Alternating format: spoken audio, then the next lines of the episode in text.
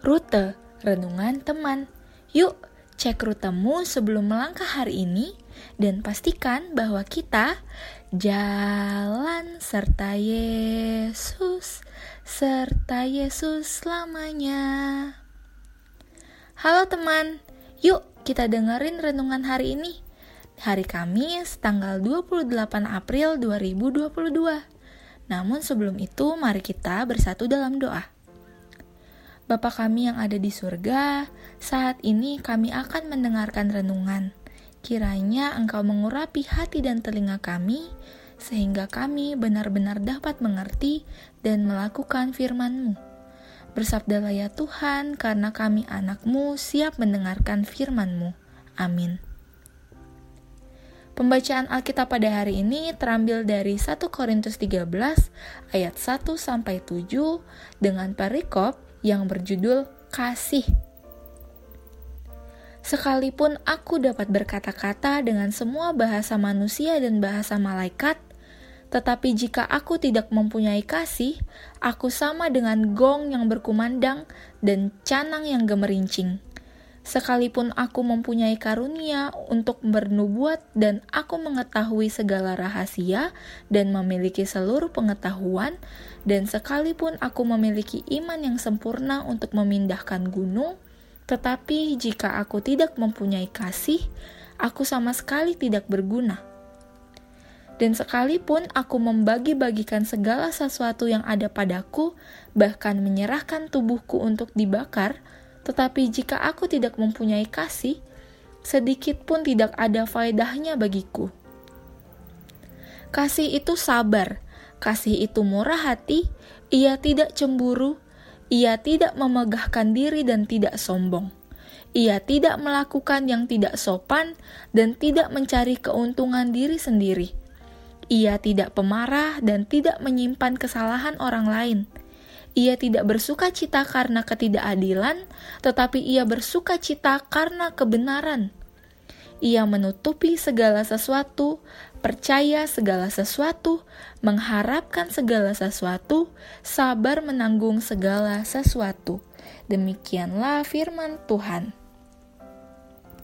Perenungan dari Sabda Bina Harian Teruna berjudul Kasih Dasar Semua Tindakan. Sobat Teruna, Bunda Teresa pernah mengungkapkan, "Saya tidak memiliki keyakinan pasti seperti apa surga itu. Walaupun demikian, saya tahu ketika mati dan tiba saatnya Tuhan mengadili kita, Ia tidak akan bertanya, "Berapa banyak hal baik yang engkau lakukan dalam hidupmu?" Tuhan akan bertanya, "Berapa banyak cinta yang engkau taruh dalam setiap perbuatanmu?" Pernyataan ini memberi sebuah pandangan bahwa cinta kasih harus menjadi dasar dari setiap hal yang kita lakukan dalam hidup ini. Nada serupa juga dijumpai dalam perikop hari ini. Dalam pasal 13, Rasul Paulus secara tidak langsung mengecam jemaat di Korintus karena mereka terlalu bangga dengan berbagai karunia yang dimiliki. Namun, kurang mempraktekkan kasih satu dengan yang lain. Di sini Paulus mengingatkan bahwa semua karunia yang dimiliki maupun perbuatan baik yang dilakukan harus dilandasi dengan kasih. Mengapa demikian? Jawabannya sederhana saja. Karena saat mengembangkan berbagai talenta dan beragam bentuk perbuatan baik bagi sesama dengan dilandasi kasih kepada Tuhan, juga sesama, maka kita tidak akan terjebak pada sikap menonjolkan diri, merendahkan orang lain, atau mencari pujian. Alasan itu didasarkan pada apa yang dirumuskan Paulus pada ayat keempat sampai ketujuh sebagai ciri orang yang mengasihi. Orang yang mengasihi akan tampak pada sikap sabar terhadap sesama, tak cemburu atau iri dengan talenta orang lain, tidak memuji diri dan menyombongkan diri, menyukai kebenaran, selalu percaya juga memiliki pengharapan serta sabar menanggung berbagai pergumulan.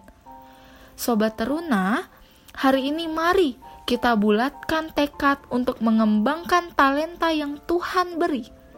Mari melakukan berbagai kebaikan dengan dilandasi kasih kepada Tuhan Yesus dan sesama. Semangat ya, sobat teruna! Demikianlah pembacaan renungan kita pada hari ini. Mari kita berdoa. Tuhan Yesus, terima kasih untuk firman-Mu hari ini. Tolonglah diriku agar selalu melandasi semua perkataan, tindakan, karyaku dengan kasih kepadamu dan sesama. Ya Allah yang hidup, teruslah berjalan bersama-sama denganku di tengah-tengah dunia ini. Amin. Teman, selamat menjalankan rutemu hari ini dalam pimpinan Roh Kudus. Tuhan Yesus memberkati.